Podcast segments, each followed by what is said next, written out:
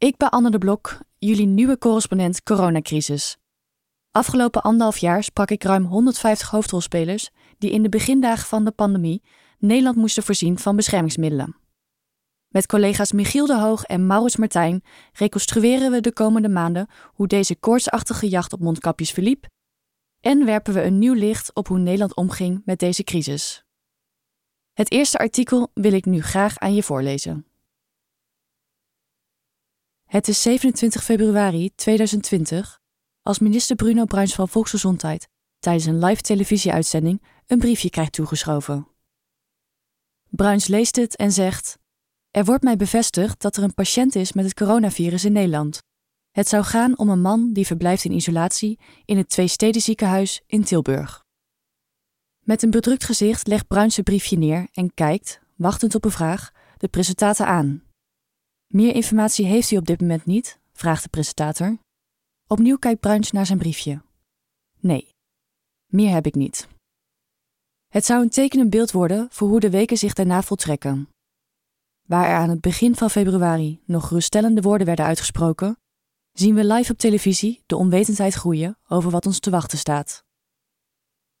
Het virus verspreidt zich dan ook sneller dan Nederland kan bijbenen. Brabantse ziekenhuizen lopen razendsnel vol met besmette mensen, die in hoog tempo verslechteren en zelfs komen te overlijden. Maar terwijl artsen en verpleegkundigen alles op alles zetten om de patiënten te redden, dreigt er achter de schermen een nieuwe ramp. Want wanneer begin maart onze buurlanden plotseling besluiten de grenzen te sluiten, wordt de toevoer van mondkapjes een landelijk probleem van ongekende omvang. Sterker, het dreigt acuut ons hele zorgsysteem plat te leggen.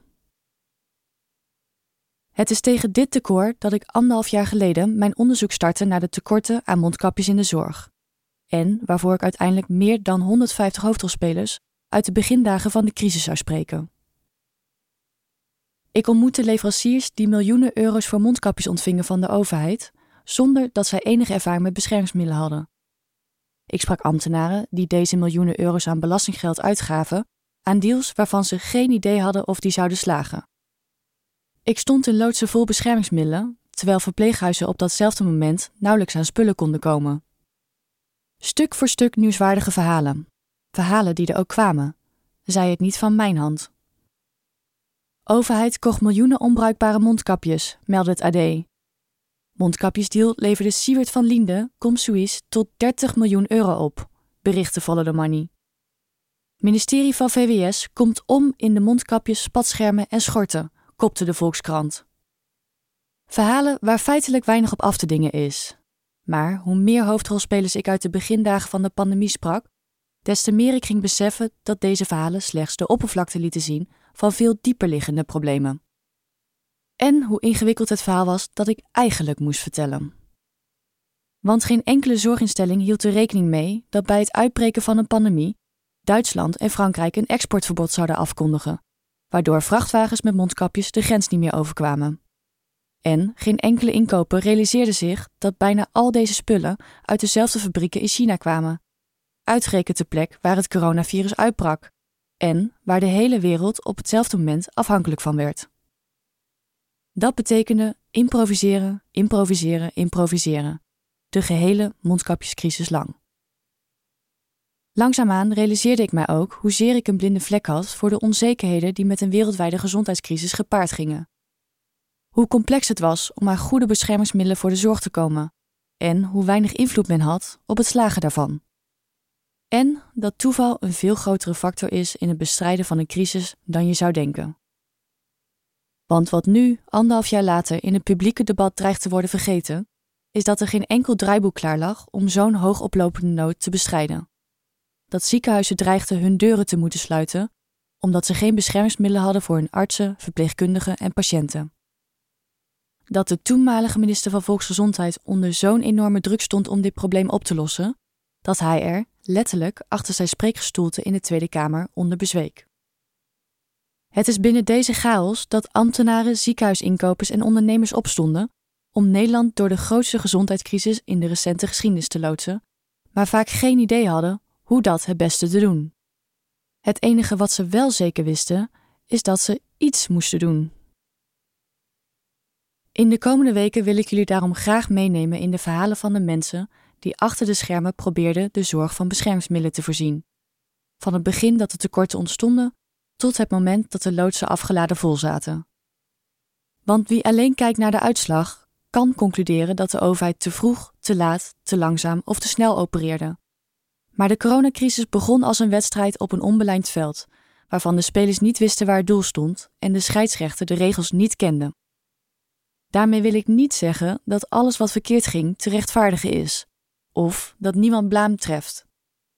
Maar om te leren van de gemaakte fouten is het belangrijk om verder te kijken dan wiens schuld het is dat we nu met magazijnen vol onbruikbare spullen zitten. Om te leren van de gemaakte fouten moeten we ons afvragen: waarom ging het zo? Daarvoor sprak ik met meer dan 150 hoofdrolspelers, ziekenhuisinkopers, leveranciers, handelaren, zorgmedewerkers, topambtenaren. Zij vertelden mij wat er goed en wat er misging, wat hun dilemma's waren en hun onzekerheden, hoe het oplopend aantal besmettingen hen steeds koortsachtiger maakte, hoe de pers en politiek hen op de hielen zaten, wat ze zichzelf verwijten, wat ze anders hadden kunnen of zelfs hadden moeten doen. En zo ging ik steeds beter begrijpen waarom het Nederlandse zorgstelsel niet was voorbereid op een pandemie. Waarom er honderden miljoenen mondkapjes werden afgekeurd. Waarom er miljoenen euro's aan strijkstokken van handelaren bleven hangen. Waarom ambtenaren met allerlei vreemde leveranciers in zee gingen. Dat verhaal wil ik de komende maanden samen met correspondenten Michiel de Hoog en Maurits Martijn en een team van collega-redacteuren in verschillende reconstructies uit de doeken doen. Want juist nu we een nieuwe fase van de pandemie ingaan, waarin het ergste gevaar geweken is en het terugkijken en afrekenen in volle gang is, is het van groot belang de crisisaanpak te reconstrueren door de ogen van de mensen die aan de frontlinie stonden, om zo een waarachtige beeld te schetsen van hoe er destijds is gehandeld. Niet om goed te praten wat fout is gegaan of te veroordelen wat beter had gekund, maar om ons beeld van de coronacrisis ingewikkelder te maken, zoals de crisis dat zelf ook was. Mocht je nog geen lid zijn van de correspondent, steun ons en word lid. Je kunt je ook abonneren op mijn nieuwsbrief. Zo blijf je op de hoogte van de artikelen in deze serie en kan je in gesprek met mij en de leden van de correspondent op het platform. Ga naar decorrespondent.nl slash Anne en meld je aan. Dankjewel.